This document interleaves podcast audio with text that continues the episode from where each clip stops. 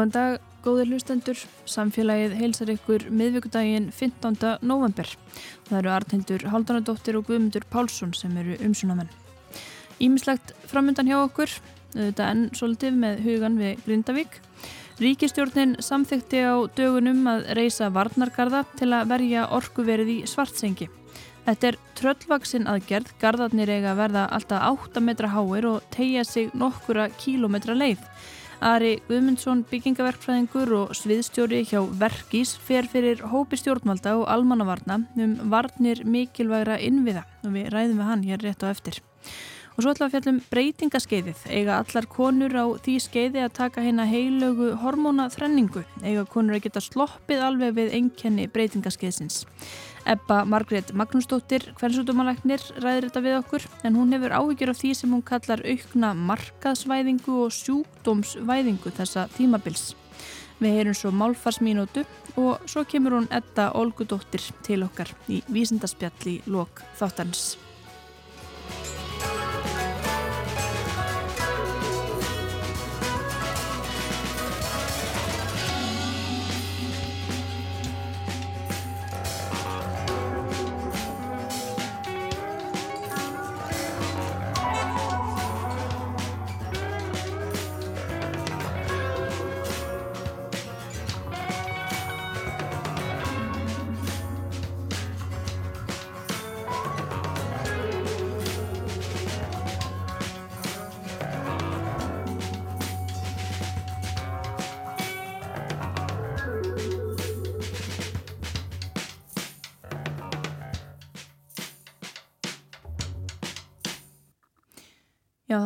Sestur hérna hjá okkur Ari Guðmundsson, byggingaverkfræðingur, sviðstöru hjá Verkis og þú, ég ert með ansi stórt verkefni í höndunum núna. Ég er að veltaði fyrir mig hvort þið getum bara byrjað á að, kannski bara málum smá mynd. Já, má kannski segja það, jú, þetta er mikið hérna, verkefni og tröllvaksinn eins og nefndir. Um, þetta byrja náttúrulega fyrir gósi 21, þá var settur á laginnar Eh, af almannavörnum uh, hópur sem er um varnir mikilvæg innviða. Við byrjum þá strax að svona sjá hvað var þetta að gera. Þetta var það góðs og þetta mjög heppilegum stað og það var svona ekki, ekki útsið með að það næði til mikilvæg innviða en þó við vorum að horfa á um, Suðustöndarvegin þá og, og hérna, ljósleðar og annað. Þetta gerðum ákveðna tilunni þar með uppsendingu varnagörðum og, og hérna, fengum heilmikla reynslu En það sem við erum kannski núna með og áttum kannski nú ekki vona því að það værum svona fljótt komin í þetta ástand sem við erum í núna. Við skoðum á þeim tíma, þó að gósið hefur verið farðarsfelli, við skoðum ímsar sviðsmyndir annar staðar og vorum þá að óttastu þetta þessa sviðsmynd sem við erum kannski að horfa svolítið á núna og vorum þá búin að gera hröndflæði greiningar og settum upp þá drög að svona frumhannun aðákvönum varnagörðum sem að eh, er til dæmis í kringum, kringum svarsengi og, og, hérna, og síðan þegar uh, þetta fór nú að hefist þessi, þessi atbyrður ás núna uh, fyrir einhverju tveimri veku síðan þá, þá hérna, dróðu þetta fram, fórum að skoða þetta nýju, uh, gerðum ný framflæði líkun og, og bættum við sviðsmyndum. Þá vorum við nú auðvitað að horfa á þetta landri sem er þarna vestan við svarsengi og breyttum aðeins skaralegunni þar með tildi þeirra, þeirra sviðsmyndar en megnum til er þetta svona svo sama frum hönnun sem við vorum með þá. Garðurinn semst í kringum Svarsengi og Blálóni er eh, eitthvað tæplega fjóður á kilometrar langur. Hann er staðsettur út frá hápunktum í landslæðinu. Við erum að nota okkur hápunktan í landslæðinu til þess að garðurinn sé sem minnstur sem þarf að gera og ekki síst bara að þá er þetta eh, minnstu tímin í að gera. Það er nógu langu tími samt. Þannig að eh, ságarður er átæfla fjóri kilómetra á lengt og, og hérna eh, er því sem hábúndum. Eh, þar fyrir ofan, næst sundnúka gígaröðinni, þar eru við með annangarð sem að áherslan fluttist nú fyrir, já hvað, viku síðan yfir í, yfir í það að hérna, við fórum að skoða uh, hrönnflæðið þaðan. Við höfum verið með þann garð teiknaði líka upp frá því 21 uh, en við kannski fórum að draga hann nær uh, í forgangi og eins og staðin er núna og í kjálfór á lagarsetninguna þá höfum við fengið heimil til þess að byrja að vinna þessa varnagarða og það er byrjuð vinna núna á tveimur stöðum annars vegar í þessum sundungagarði sem satt að þar var byrjað í gær eh, eftir hátið bara strax eftir að heimildin kom. Uh, og það verið að vinna í honum og svo líka í þeim uh, rétt nýbyrjuð á þeim stærri garðinum hann, svarsengisgarðinum, austast í honum. En það er svona, við teilum það svona mest en forgang. Já, og það er þá svona skeifulaga garður sem að liggur utanum svarsengi og svo hvað uh, mörgum metrum fyrir ofan er, er þessi sund núka garður? Já, hann er hérna á svona kantið í hérna, já, við Hagafell og Sílingafell þar fyrir ofan. Eh, ég veit ekki alveg hvað er, hvað er margi metrar hérna á milli en, en hann er svolítið upp á, á, á hæð þarna.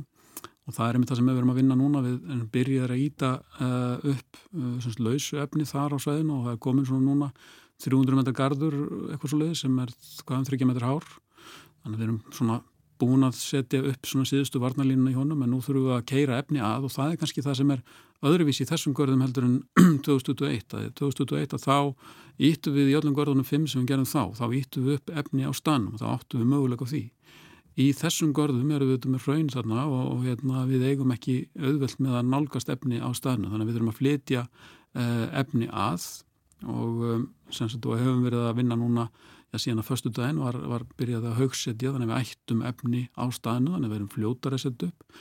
En þarna upp á kantinu sundungagarðinum uh, og þar þurfum við núna að uh, flytja efni að. Og við, það er nú, núna unnið í því að, að laga veg þarna upp á, upp á kantin þannig að við getum notað hann fyrir akstur, akstur vörubíla. Og þetta er vantilega ansi mikill mannskapur sem kemur að þessu. Með tögi uh, vörubíla og það eru ítur og alls konar tækjar ekki?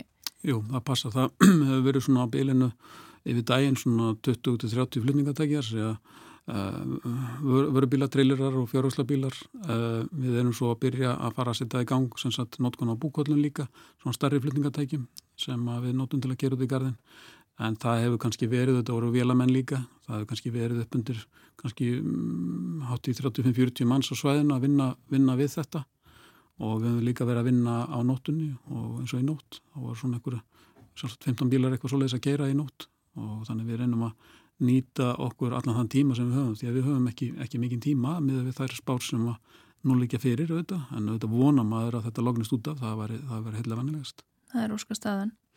En hvað búist við því að, að ná að gera þetta á, á skömmum tíma? Þetta eru hérna þessi tveir gardar, annar hvað einn og hálfur kilómetr hinn, hvaða rúmir fjórir og einmitt þessi mikla hæð. En hvað tekur þetta langan tíma ef, ef við leggjum svona mikið kappi í þetta vinnaðanóttunni allt þetta? Mm -hmm. Það er auðvitað aðeins sjálfsög, við erum svona verið að horfa 30-40 daga til þess að full vinna, vinna þetta.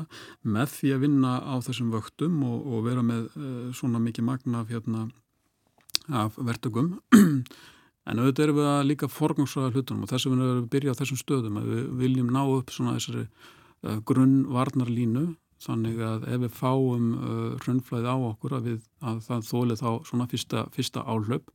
En við gerum ráð fyrir því að, að, að hljemegin við garðana getum við haldið áfram að hækka þá eftir atvikum. Og þetta er eitthvað sem við þurfum að spila bara uh, svona áfram, við minna kannski, kannski náu þess að 30-40 daga setjum allan garðina þess að atbyrður uh, hefjist.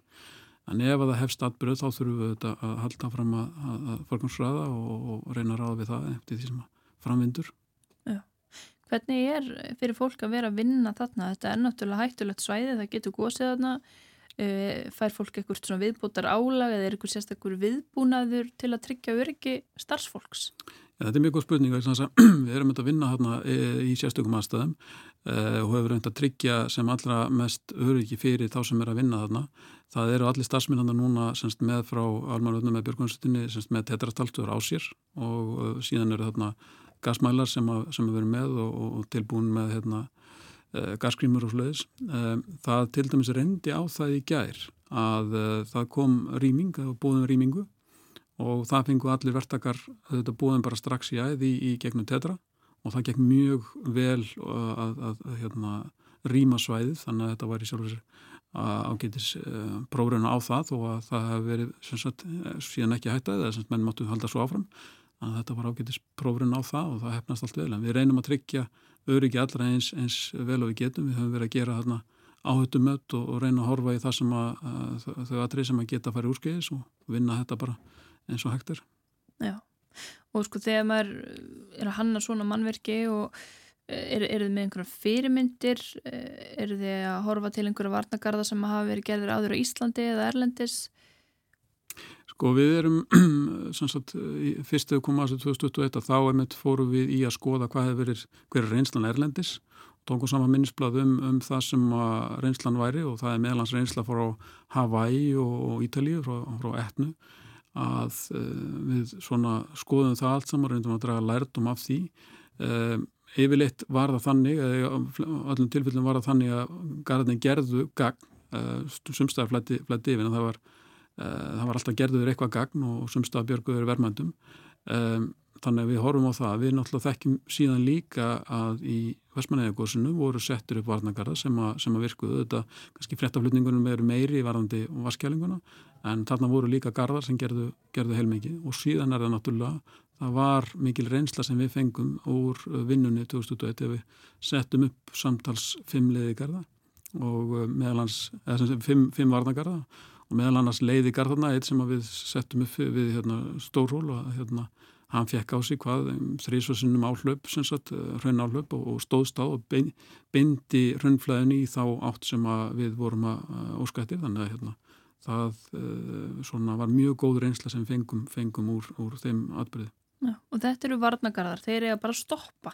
Þannig að maður spyr um þetta því að nú maður að mann ekki hvaða gósið það var sem að það voru gerðir svona varnagarðar og, og svo verið að flytja fréttir af því þegar að raunnið var komið upp í, í þeirra hæð og, fló, og hérna, flóði svo yfir þá en er það sko, er, haf, hvaða vendingar hafið þið? Búist við því að þessi varnagarðar muni stoppa alveg raunnið eða, eða bara hæja á því eða stoppa það í, í skemmri tím og eru þá einhverjar aðra ráðstafn sem er hægt að grýpa til þegar að það fer yfir?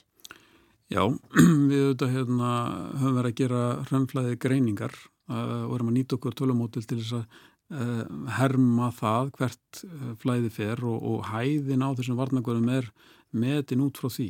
Þannig að við erum auðvitað að, að, að, að hérna, setja upp sviðsmynd og, og, og keirum svo varnagarðana í tölumótilinu til þess að sjá hversu háir þeir þurfa að vera.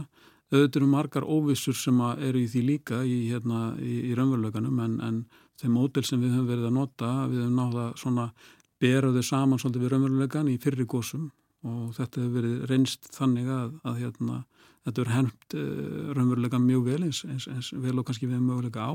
Þetta er síðan alltaf einhver, einhver frábreyði í því þannig að hérna, við, við, við horfum á það svolítið að, að nýta þessi mótil og, og, og vinnum eftir því þessar hannun Já, en það verður ekkit rauða fólki bara hérna að spröyta vatni hinnum einn ef, ef þetta skrýður yfir. Því farið þá í reyna að hækka gardinn Það er þannig, við byggjum þannig garðan upp að við byggjum það í áfengum og byggjum fremstu línuna fyrst, síðan eigum við þá möguleika alltaf að hækka þá uh, hlýja megin. Uh, þannig og, og raunlega verða að byggja þannig upp núna að þeir eru hækkaðir hlýja megin þannig að við komum svona fyrsta viðbræði fyrir uh, fyrst. Þannig að við auðvitað augum eigum möguleika á því að hækka þá meira en þetta ef, ef, ef við höfum tíma og, og, og efni til. Eh, þetta gerðist til dæmis í einum gardinum og sem nefnir fyrir, fyrir garðana, þá gerðist þetta í hérna síðri meiradölum að þá vorum við með ákveðna hæð eh, sem vorum búin að setja gardin upp í. En það kom áhlaup á okkur sem við, eh, við sáum að myndi fara yfir gardin þannig að við hækkuðum hann staðbundi bara íttum, íttum upp, hækkuðum hann um eitt metri hérna bara með því að mjóka hann ofan. Og hann held í þeir, þeim atbyrði setnaðu þetta kom meira af hrönnflæði fyrir innan og, og hérna fór á endanum yfir.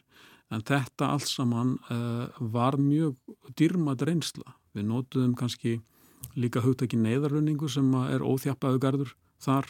Og við sáum að jafnvel í slíkum uh, svona neyðarlunningi sem við ítum bara upp með ítu á þess að þjappa neitt að þá heldur það tölvert en, en auðvitað erum við að byggja upp eins og gardin núna auðvitað erum við að byggja upp þannig að við þjöppum mann með vélum og, og, og eins og við getum þannig að hérna þannig að við eigum þarna auka örygginni en, en, en þessi neðaröninga, þeir, þeir höfðu bara tölvist að segja þarna greinilega í góðsunum 21.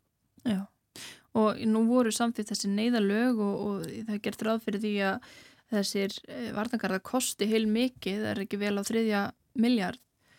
Eh, þetta var svolítið mikil, mikil ábyrð að sjá um svona, svona dýra framkvæmt sem líka ríkir svona mikil óvisa um.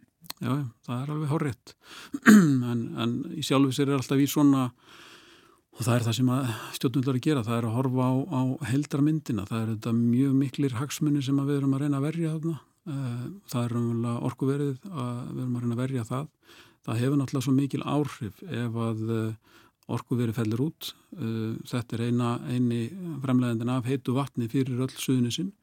Þannig að 30.000 manns verða án hittavötu ef að, að framlegsla á heitu vatni stöðvast í, í orkuverinu. Það er öðruvísi með ramagna, það er hægt að fá, fá ramagn frá öðrum leiðum en, en það er kannski hittavetan sem að verum fyrst og fremst að horfa á hversu miklir hagsmunur eru þar í húfi fyrir utan bara mannvirkin í, í virkinu sjálfur. Þannig að þetta er mikils að vinna og bara rétt í lokin sko kemur til, með, kemur til greina að breyta þessu ef að aðstæðu breytast eitthvað að, að hanna þetta upp á nýtt eða haldið eitthvað við þetta bara? Þetta er svolítið fljótandir, það ekki? Ég sko, við þetta, þetta er svona grunnurinn í því sem við erum að gera að þetta sé svo gardu sem við hérna, erum, að, erum að fara að setja upp. En að sjálfsögðu að það kemur upp einhver ný staða nýjar áherslur að þá fyrir það fyrsta myndu við þá breyta fornánum í því hvað varandi hraðanum á, á uppbyggingun eða hvað við leggjum mest áherslu á. Um, en svo þetta myndum við alltaf skoða ef að kemur einhver nýjókn eða, eða einhverja breytingar þá sjálfsögðu endum við stöðuna uh, miða við það. En, en þessi kannski gardur sérstaklega kringur Svassingi og, og, og Blálandi er, er, er sagt, gardarlega sem að veru okkur fyrir mörgum sviðsmyndum og það var það sem við gerðum við gerðum einar 8-10 sviðsmyndir hérna í kring og, og þessi gardur okkur, þessi gardarlega veru okkur fyrir flestum þeirra og það er kannski með... þess vegna Hvað með Grindavík? Kemur ekki til Grinda að reysa vartangra þar? Jú, við höfum, við, höfum, uh, við höfum gert líka hérna, svona, línur, ákveðna línur í, í vartangarði í kringum Grindavík. Þannig að við eigum slíka, slíka hannu til og, og það er meðlans búið að setja út efsta hlutan af því ef við þurfum að breðast við því og verðum þá til, tilbúið með jarðitur ef, ef við höfum tíma til þess að, til þess að hérna, breðast við hunnisli þaðan. Einmitt. Takk hjálpa fyrir að ræða þetta allt saman, þessa stóru framkvæmt við okkur í samfélaginu, Ari Guðmundsson það var ekkert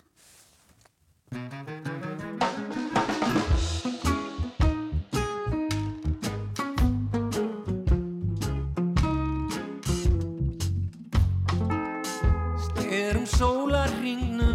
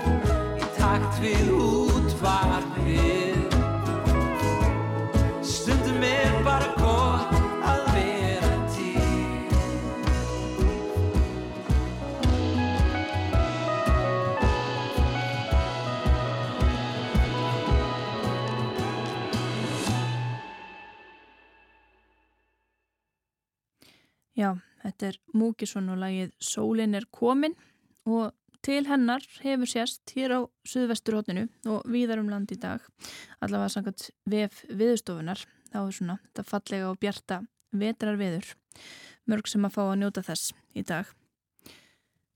Ég heiti Ebba Marget Magnúsdóttir og ég er fæðinga á kvennstómalæknir hjá Dómuslæknum. Við ætlum að ræða þessum breytingaskeiðið. Og það hefur verið svolítið mikið umræðinni Já, þessi umræða hefur verið að aukast ekki bara á Íslandi, heldur líka í nágrannlöndunum og einnig Vestanhafs að þessi aldurs, aldurspil kvenna hefur verið að bera það upp og yfirborðið að hvaða breytingar konur er að gangi gegnum og hvort að hægt er að hjálpa þeim með því að gefa þeim hormóna. Og vissulega hefur hormóna nótkun aukist mjög mikið og þá sérstaklega kallhormón og þetta er svona hlutur sem er sjálfsög jákvætt fyrir okkur konur og við fögnum allir umræðu og allir fræðslu um heilbriði hvenna en á sama tíma þá hef ég aðeins haft evasendur og vilja gaggrina það að þetta er ekki sjúkt ástand, þetta er ekki sjúkdómur. Er, ég hef notað orðið það að verið að sjúkdómsvæða eðlilegt aldurskeið hvenna og jafnvel sumir að markasvæða það. Og umræðan er eins og að, að allar konur eiga að taka hérna heilugu þrenningu sem er östrogen, progesterón og testosterón en það er alls ekki þannig. Við þurfum í raun og veru að eiga spjall við hverju eina konu og finna út hvort hún þurfi uppbóta meðferð og hvaða uppbóta meðferð myndi henda henni og í hvað langan tíma því það er ekki heldur á hættu löst að nota þessa hormóna. Og breytingaskeiði, þetta er eitthvað sem allar konur ganga í gegnum eða flestar konur og, og er kannski bara áþögt kynþróska skeiðinu, er þetta svona álíka mikið rask og hormónasirkus í, í lífi hvers einstaklings? Þetta er mjög góð spurning og ég hef einmitt notað þetta. Þegar við erum börn og förum að byrja blæðingum þá fáum við eitthvað sem heitir úlingaveikina við verðum táningar og við förum að hafa eglós og fá reglulega blæðingar. Og þá er oft konur stúlkur pyrraðar í skapi og líður ekki vel. Og samaskapi þegar blæðingarnar hætta og árin kannski 2-3 þar á undan og 2-3 þar á eftir og hormónaframleysla ekkjastokkana mingar að þá líður sumum konum ekki vel. Það er finna fyrir hitakófum, daginn, svitakóm á nóttunni, sofa jafnvel illa, eru litlar í sér eða pyrraðar. Sumir hafa jafnvel gengið svo langt að segja að kulnun í starfi sé að einhver leti út af hormónaskorti. Ég set nú aðeins spurningamerki við það því karlmenn þeir lenda líka í kulnun og þeir hafa ekki ekki að stokka. Það er ekki allavega hægt að segja að það sé eini orsaka þátturinn Nei, en vissulega getur það verið ef að konunin líður illa út af hormonaskorti og svo lendur hún í miklu álægi á þriðju vaktinni eða jáfnvel þeirri fjórðu að þá reynlega gemist hún upp að því við höfum ekki sama kraftin og uh, þólið og við höfðum þegar hún er 25 ára þegar við erum 55 ára. En þú talar um uh, sjúk, og aukna sjúktómsvæðingu þessa tímabils eða, eða æfiskeiðis. Hvað á að draga mörking? Hvað er eðlilegt, eðlileg óþægindi sem að konur geta bara vænst þess að finna fyrir á, á þessu tímabili og hvenar er þetta orðið of mikið og, og þarnast einhvers yngrips? E, það er kannski þannig að svona fjórða til fymta hver kona sem þarf á uppbóta meðferð að halda. Sumar fari gegnum þessi ár og finna ekki fyrir neinu. Öðrum líður mjög illa og það á vissulega hjálpa þeim konum eftir samtal um hvort að sé einhver áhættu þættur þáttur að gefa þeim liv. Hvenar þú ert með sjúkdóm og hvenar þú ert með óþægindi, það er sjálfsög engin mæli tæki til að við getum ekki stungið mæli rassin og eða mælt einhverja tölu og sagt jú þú ert þarna. Við getum séð í blóðpröfum hvort konan er komin í tíðakvörf, það er semst þegar engar blæðingar hafa verið í heilt ár en oft eru þessi engin og vanlíðan kannski 2-3 ára á undan og þá þarf maður að eiga spjallið, taka stöðuna og fyrir kannski heilsufarsögu og meta það á, á viltu prófa hormón eða ekki. Og þegar talað um hormón, er það þá þessi heilaga trenning sem þú vísar til eða hvaða hormón á, á þá að, vísa á? Sko eggjastokkarnir framlega þrennhormón aðalega, östrogen og það er skortur á því sem veldur þessum einkennu sem ég nefndi áðan og svo er það progesterón sem verndar slímhúðina í leginu. Og síðan er það testosterón sem er kallhormón sem gefur okkur svona kynkvötina og kannski svolítið kraft. Og þá fer náttúrulega eftir því hvaða er sem konan er að kvartum. Og við byrjum oftast á því að nota sami, samsetta meðferð af östrogeni og progesteróni og ef að það í 2-3 mánuði hefur ekki komið kynkvötinu og orkunu upp þá bætum við við testosteróni sem er reyndar einn vannkantur á því það er ekki til í livja formi hannað fyrir konur. Við erum að nota okay. liv sem er hannað fyrir karla og látum þær nota eitt tíunda af því til að fá ekki aukaverkanir eins og aukinn skeggvöxt eða djúparödd eða hárlós eða vandamál því tengdu. Þetta er kannski svolítið affjópandi fyrir ákveði vandamál innan, innan læknisfæðinu og lifjaði næðurins þar sem að kallmaðurinn er svona mælikvarði allra hluta hefur verið. Þetta er mjög góð punktur en ég vil samt segja að við höfum læknar, bæði heimilislæknar og kvenstumalæknar og fæðingalæknar verið að hlusta á konur og hjálpa konum í gegnum árin en við höfum reynd að nota þetta ekki of lengi eða ekki of mikið vegna þess að meðan þú tekur kvennhormón uppbóta meðferð þá eigur örlítið líkurnar á tíni til dæmis brjóstakrappumins sem er nú þegar allt og há, 8.9. hver kona sem fær það. Og einmitt þetta með testosteronið, mikið talað um þetta á, samfélagsmiðlum að þetta sé svona það sem að breytir öllu og, og kemur heilsun í lag. Hafið þið áhyggjur af, af þessu? Þú talaði líka um markaðsvæðingu. Er þetta, er þetta svona miklar umræður og heitar umræður innan þinnar stjættar um, um þetta eða áhyggjur? Ég held að aðalega við séum bara lifa á nýjum tímum með þessa samfélagsmiðla þar sem það eru margir sjálfskeipaði sérfræðingar sem er að gefa ráð bæðum liv og skamtastærðir en við sem vinnum við að skrifa út livsela við viljum eiginlega eiga samtali við hverju eina konu og taka stöðuna hjá henni. E, það eru fyrirtæki sem hafa verið að spretta upp erlendis og hér heima sem hafa beint sjónum sínum engöngu að þessu aldurskeiði og er að veita við töl og ráðgjafir til hvenna en það er þannig að við erum að fá heilu saumaklúpana og heila vinnustæðina til okkar. En maður verður að aðtuga það að það er ekki, það sem hendar þér hendar kannski ekki sýstiðinni og svo er kannski kona með einhverja áhættu þetta sem hormonumeðferðin getur hennilega verið skadleg þannig en þessi umræða er held ég mikið komin til út af erlendum áhrifum og svo þessa samfélagsmiðla. Þannig maður þarf að passa sig, það er ekki allt satt sem stendur þar Er, er þetta sem við vitum um breytingarskeiði í dag og öllu svona yngjani sem geta fyllt því, er þetta nýþekking, er mikil gróska í rannsóknum á breytingarskeiðinu og einhvers konar bylting í gangi eða?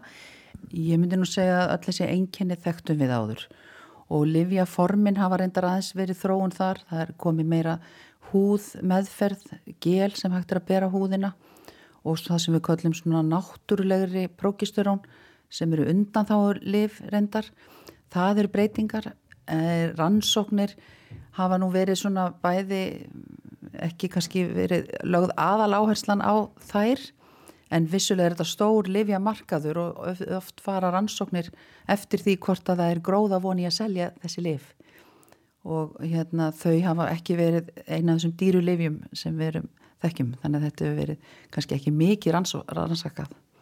Og markasvæðingin, sko, lítur hún að fleiru heldur en því að að einmitt aukinni ásókn í, í hormonalif? Já það bara við, nútíma maðurinn í dag vil svona quick fix, hann vil eitthvað einfalt og helst taka lifið í en rannsóknin sína til dæmis að fara út og reyfa sig og halda sér í kjörþyngd og borða hold þá ferð þú léttar í gegnum tíðakvörf heldur en ef þú gerir það ekki. Þannig margar svona bara almennar eh, fyrirbyggjandi ráðstafanir að lifa heilbriðu lífi. Getur hjálpa konin að fara gegnum þetta aldurskeið. Ekkert endilega og það er alveg eðlilegt að sumir dagar séu erfiðir og að þú svo veri ekki alla nætur. En þegar þetta farið að verða alla daga og koninu er virkilega þjökuð af hittakomum með svitakomum að þá sjálfsagt að gefinni meðferð. Svona ef við, ef við kjörnum þetta, það sem að þú hefur áhyggjur af e, það er í rauninni það að það sé verið að taka þennan minni hluta hvenna sem að virkilega fer illa út úr breytingarskeiðinu og láta eins og það eigi við um allar konur. Já, ég held að það sé það sem ég hef áhugjur af að það er verið að reyna að selja fólki hugmyndir sem er ekki sannar að það, allar konur þurfi hormóna og allir geti notað það sama. Það er bara alls ekki rétt. Ég hef áhugjur af því og ég hef áhugjur af þrýstingi frá vinnustöðum, vinnkonuhópum og svo samfélagsmiðlum og konur eiga, eiga ekki að trúa öllu sem það stendur. Og ég er mikil tókstreita þetta þú talar um sjúkdómsvæðingu þú veist það eru öll þessi tímabil það er kynþorskeiði, svo er, eru margar konur sem að einhver tíman ganga með börn og það er ímislegt sem fylgir því bæði meðan áður stendur og eftir það og, og svo er þetta breytingaskeið og er sko, finnst þér mikið vera aukast þessi sjúkdómsvæðinga og öllu þessu sem að, sem að tengist svona þessum lífræðilegu hlutverkum. Er of mikil krafa um að komast ekki um þetta algjörlega án óþægenda eða er þessi baróta fyrir því að óþægindin séu viðurkjönd? Já, þú eiginlega settir þetta fallegu upp að það er náttúrulega við erum einn svona hormónablanda og okkur líður förðulega stundum fyrir blæðingar, það heitir fyrirtíðaspenna. Okkur líður kannski ekkit vel á meðgöngu og okkur líður kannski mjög illa eftir meðgöngu sem heitir fæðingar þunglindi og vissulega stjórnast okkar líðana mörguleiti af hormónaframleyslu í kroppnum. Eh, það sem ég er að reyna að segja er að margt af þessum, eh, þessum tilfinningum og þessari líðan er eðlileg, þarf ekki að vera sjúkleg og leiðum að skilur kroppin sinn og skilur framleysluna að þá er einhvern veginn lettara að takast á við það og fattar líka lífið er ekki bein vegur án sveiflunað. Það væri ekkit gaman að lifa fattaru hvað ég á við. En það að vera að segja fólki sem hefur kannski ekki alveg þekkingu á þessum málum að allir er að taka hormóna og sé leysi öll vandamál og, og margt sem er skrifa á samfélagsmiðlum er reynlega stór fyrðulegt að þetta vera bót við öllu. Og það er ekki alveg þannig. Ég þekki það eftir að hafa verið á stofi ára tugi, sem ég get sagt frá að það er svona cirka helmingur af þeim sem fær kallhormón, testosterón gelið sem við notum, sem er ánæðu með það og vil meira. Hínar finna engan mun og þá hætta þær. Man á vissulega ekki að taka lífi eða gerir man ekki gagn.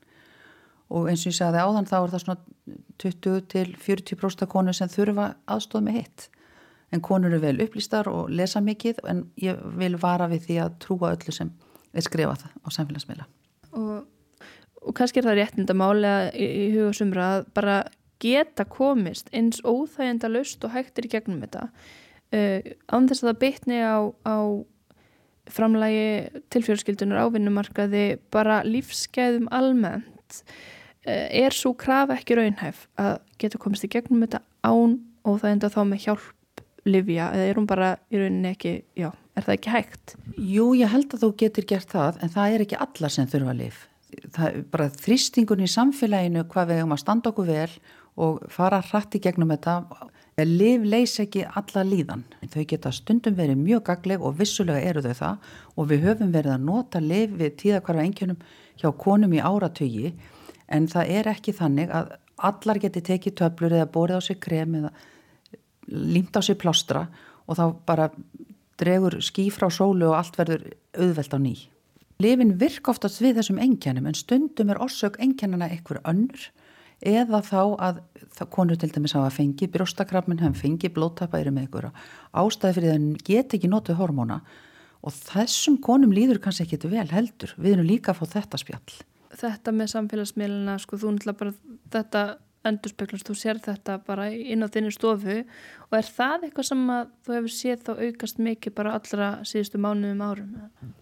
Já, ég hef séð bæði líka beðinir bara um lif af því að vinkona mín er að taka þessi lif og ég vil fá svona og prófa þetta. Og það er svolítið svona, nú er hægt að fá að livja endunínu gegnum heilsu veru hjá heilsugjastlinni og maður, ég sé að svona meiri áraðinni kvenna í að hafa samband og byggja um uppáskrifu lif án þess valla að maður hafi kannski valla seðar og það er ný, nýtt. Svo kannski það að konur er að koma og spurja er ekki alltaf lægi hjá mér að því að ég mér líður alveg við eðlilega. Þarf ég að fá einhver liv? Er ég að missa af einhverju? Og ég vil eldri konur bara, er, er ég búin að skemmi eitthvað? Er ég fyrir að fara að fá elliglöpa því ég tók ekki hormóna fyrir tíu árum? Þannig maður þarf að passa að búa ekki til heilsu hvíða líka með þessari umræði. En er það, er það raunin? Getur maður auki líkur á allir glöfum ef maður tekur ekki hérna heiligu þrenningu? Nei, það var náttúrulega á, tímabili talið að það væri minni líkur á eh, Alzheimer til dæmis hjá konu sem tækja hormóna. En svo voru stóra rannsófin sem síndu að það var ekki svo mikil munur og eins með hjarta og eðasjúkdóma. Og, og þetta er hefur, við höfum ekkit alveg kannski fengið skýr svör við þessu og nýja heldur hvað gerist ef þú ætlar að nota testosterón í tíu ára eða eitthvað svo slikt þetta vitum við bara ekki ennþá. Þannig að þetta er bara, já, í deglunni og einmitt kannski þeir eru líka læknar að reykja ykkur á það bara að fólk er svona upplýstar en áður eða svona er að veit ykkur meira aðhald og koma hérna með útprentaðar ansóknir eða einhverjar tilvísanir og, og spyrja út í ótrúlustu luti. Það er alveg rétt og ég fagna því alltaf þegar konu koma með spurningalista og við, vita hvað er vilja því þá er oft, ofta segir sjúklingurinn þeir fyrstu setningunum hvað er að. Það er svolítið mikilvægt í allri læknistjónustu og vissulega er ábyrð heilsumanns byggðamanni sjálfum og maður þarf að vita hvað maður að setja í sinn kropp. Jújú, jú, ég sé breyting á þessu að fólk er, en það hefur reyndar alltaf verið þannig að fólk hefur verið búið að googla hvað er líklegt að séða mér. En þá koma oft upp einhverju ræðilegi hlutir fyrst sem er ekki rétt eða mjög sjálfgjafir. Takk fyrir að ræða við samfélagið um, um breytingarskeiðið, Ebba Margrit Magnúsdóttir. Takk fyrir mig.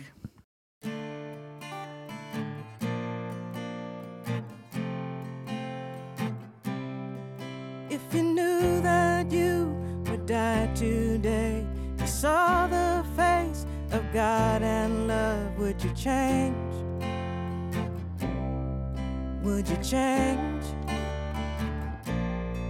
If you knew that love can't break your heart when you're down so low, you cannot fall, would you change?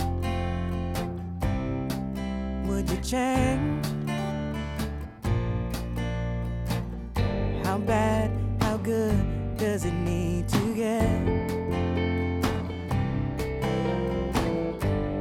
How many losses, how much regret? What chain reaction would cause an effect? Makes you turn around, makes you try to explain. Makes you forgive and forget, makes you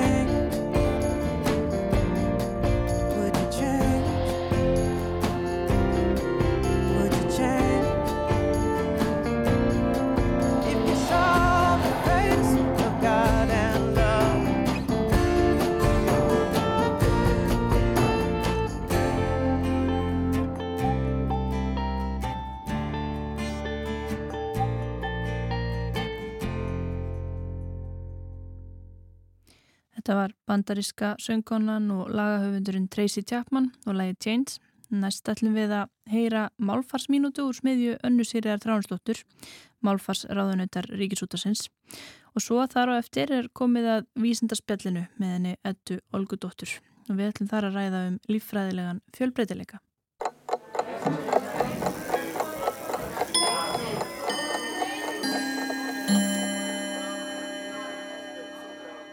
Persónufornöfn hafa mjög óreglulega beigingu í eintölu og þá er fleirtalan ekki síður óregluleg. Fleirtala persónufornöfna er yfirleitt allt annað orð en eintalan og gjör ólíkt. Fleirtalan af ég er við, af þú er þið. Fleirtalan af hann er þeir, af hún er þær og af það er þau. Það er kannski einna helst kvorukennið og önnur personan sem eru með einhver líkindi millir eintölu og fleirtölu. Svo getur verið sláandi munur millir nefnifalls og annara falla. Til dæmis nefnifallið við sem verður svo okkur og okkar í aukaföllum og þið í nefnifalli sem verður að ykkur og ykkar í eignarfalli. Það er því ekkert undarlegt þótt fleirtala nýja persónufornapsins hán sé gjör ólíka eintölinni. Hán samnýtir fleirtöluna þau með þriðju persónufornapninu það. Þau um þau frá þeim til þeirra.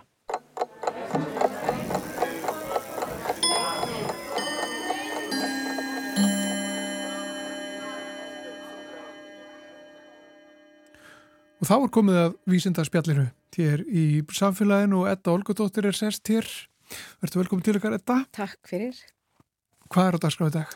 Herðu, í dag ætlum við að tala um mikilvægi líffræðilegs fjölbreytileika og hérna, ég hef oft talað um þetta, um líffræðilegan fjölbreytileika og hvernig hann er mikilvægur og erum, það er svona ákveðin bara þumalputta regla að því meira því betra. Bara alveg eins og þegar við erum að tala um hérna örveruflóruna þá að vera mikill fjölbrey, fjölbreytileiki er betri en lítill fjölbreytileiki og það er ekkert endilega alltaf skilgreint sko hvernig fjölbreytileikin á að vera samsettur af því það er mjög eðlilegt að þessi ákveðna tegundir sem eru kannski í, í hérna, meira magni og það er ekki alltaf þannig að það sé bara jafn dreift, allar tegundir séu jafn dreifðar en það er samt hérna þessi líkil hérna þessi líkil regla að það sé betra að hafa meiri fjölbreytileika heldur en minni. Og ég hérna rakst á eina rannsókn sem var framkvæmt sem sagt við Fílabeinströndina eða hérna í Vestur Afríku þar sem þau voru að skoða sko svæði sem að eiginlega breytast úr því að vera bara ósnertur regnskóur og, og yfir í það að vera bara mannabústaðar, bara það sem eru þorp og fólk býr og hérna og þar inn á milli er svo svona lítisnert skólendi uh, rektunarland og svo kannski skólendi þar sem að fólk býr líka. Þannig að þau eru með þarna fimm mismunandi svæði þar sem að maðurinn hefur allstar komið að og gert sitt og breytt þannig lífræðilegum fjölbreytileika. Og það sem þau gera er að þau eru að taka síni af hérna moskítoflugum. Og taka síni, einangræðsar, hérna, taka moskítoflugunar og tegundagreina þær og svo tegundagreina þau líka taka síni úr moskítoflugunum og tegundagreina hvað veirur finnast í moskítoflugum. Af því að við vitum að þær bera oft með sér alls konar síkla, meðal annars hérna síkilinn fyrir malaríu sem er reyndar ekki veira heldur frumdýr og svo líka til dæmis síkaveiruna sem var mikið í fjölmiðlum hérna fyrir svona kannski fimm árum eitthvað svo lesa því hún veldur fósturskaða og svo bera þær líka með sér hérna veirur eins og yellow fever sem getur valdið miklum skada líka. Og þær eru ofta að bera hérna eitthvað svona síkla á milli tegunda og yfir í mannin líka og líka yfir í aðra tegundir. Þannig að það er svona ákveðin, uh, svolítið forvinnilegt að vita sko hvað það gerir þegar við erum að hefta búsvæði moskítóflugunar, hvað áhrif það hefur á hennar uh, vistkerfi. Og þarna sjá þau að það er mjög sterk fylgni á milli þess að vera með hérna uh, segja, búsvæði sem eru mikið snert af manninum og lítinn lífræðilegan fjölbreytileika.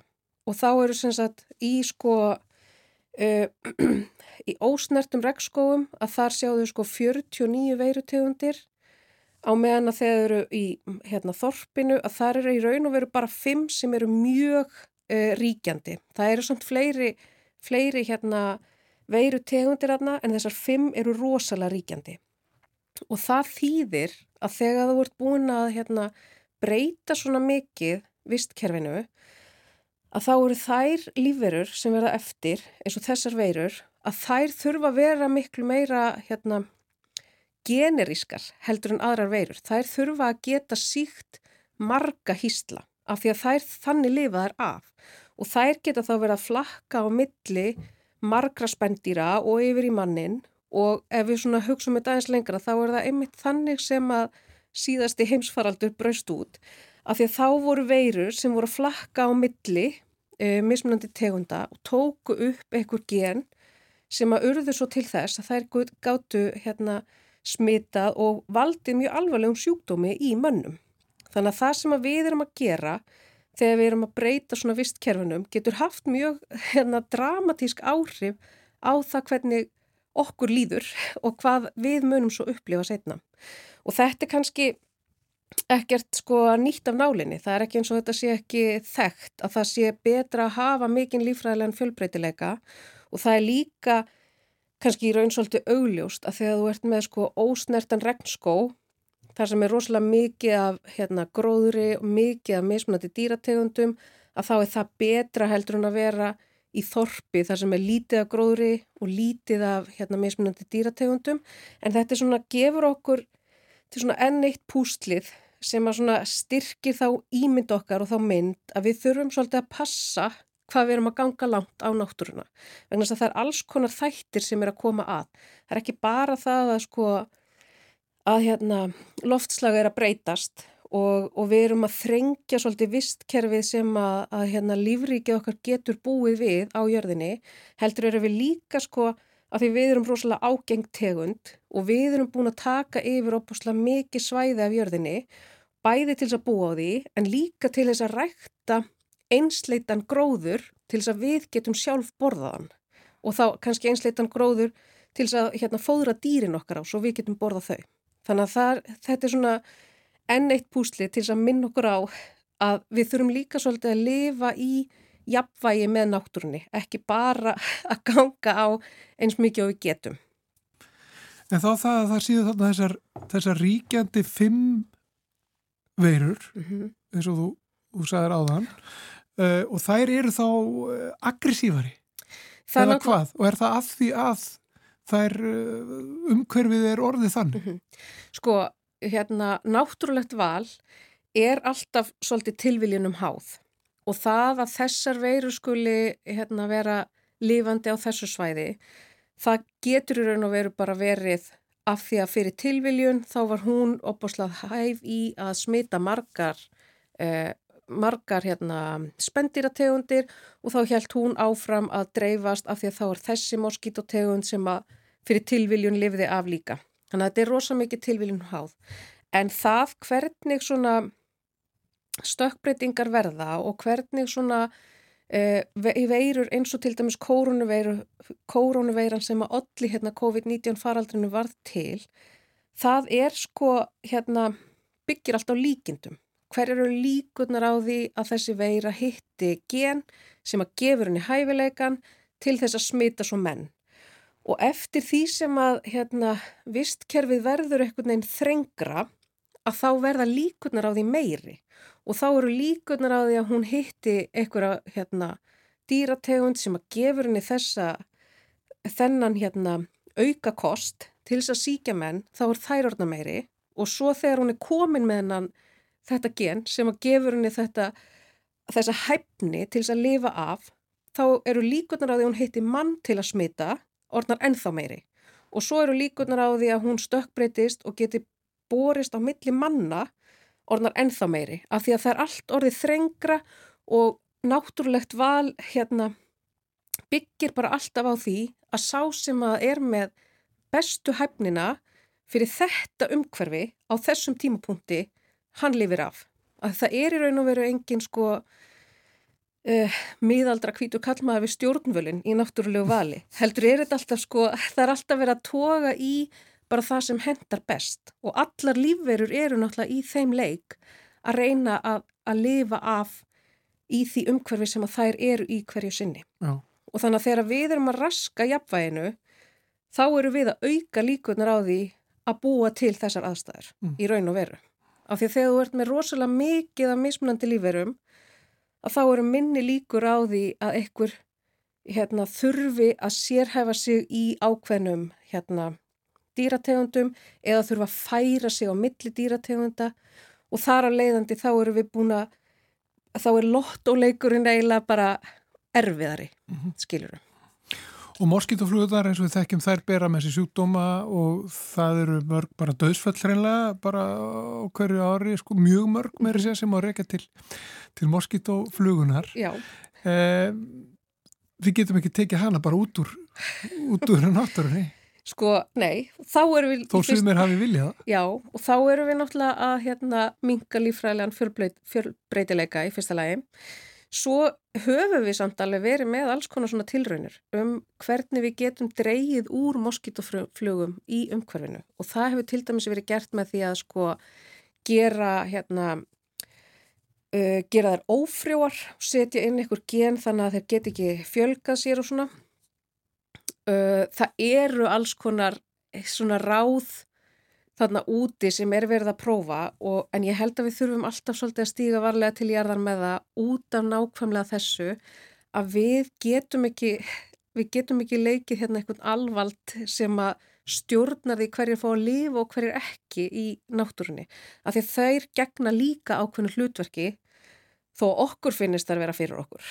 Mm Þannig að það, það er svona, það, það er mjög síðferðilega grátt svæði að ætla að útrýma einhverju tegund byggt á þessu. Einmitt það. Þetta gott að þeirra við skulum ljúka þessu svona. Eh, Takk fyrir komuna í samfélagið. Takk fyrir mig.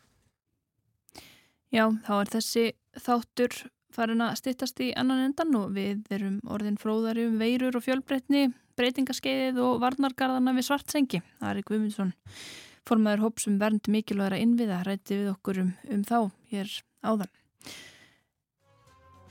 En samfélagið verður aftur á dagskráða morgun og líklegt að við verðum þar með hugan við dag íslenskra tungu.